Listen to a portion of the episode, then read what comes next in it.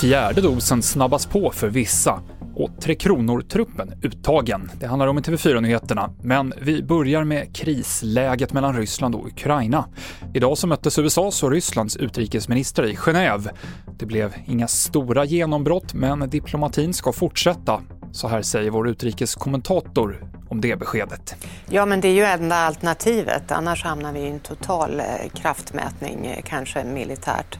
Eh, och man kan säga att man håller hoppet vid liv om att eh, det ska gå att nå en diplomatisk lösning. Men båda sidor står fortfarande precis på samma punkt som man gjorde tidigare och det är väldigt svårt att se hur den här diplomatiska lösningen ska kunna se ut. Det sa Elisabeth Frerot och den ryska mobiliseringen vid den ukrainska gränsen kan ses som en påtryckning i ett större spel, enligt henne.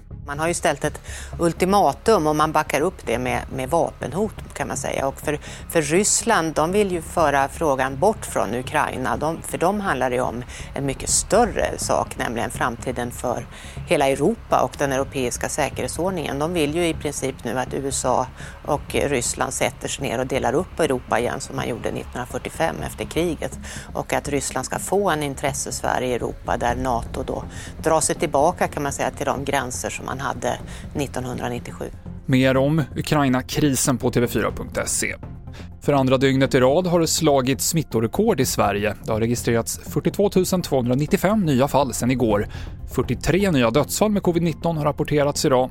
Den totala dödssiffran är nu 15 674 i Sverige enligt Folkhälsomyndigheten. Och vuxna med allvarlig immunbrist bör erbjudas en fjärde dos vaccin tre eller fyra månader efter den tredje.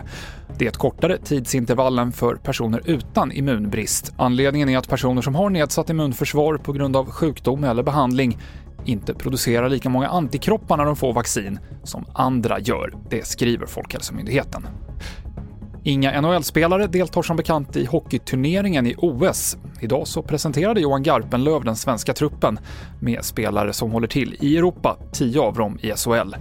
Hela Tre Kronors trupp finns på TV4.se och imorgon så är Johan Garpenlöv gäst i Hockeylördag i TV4 och Simor med start 14.30.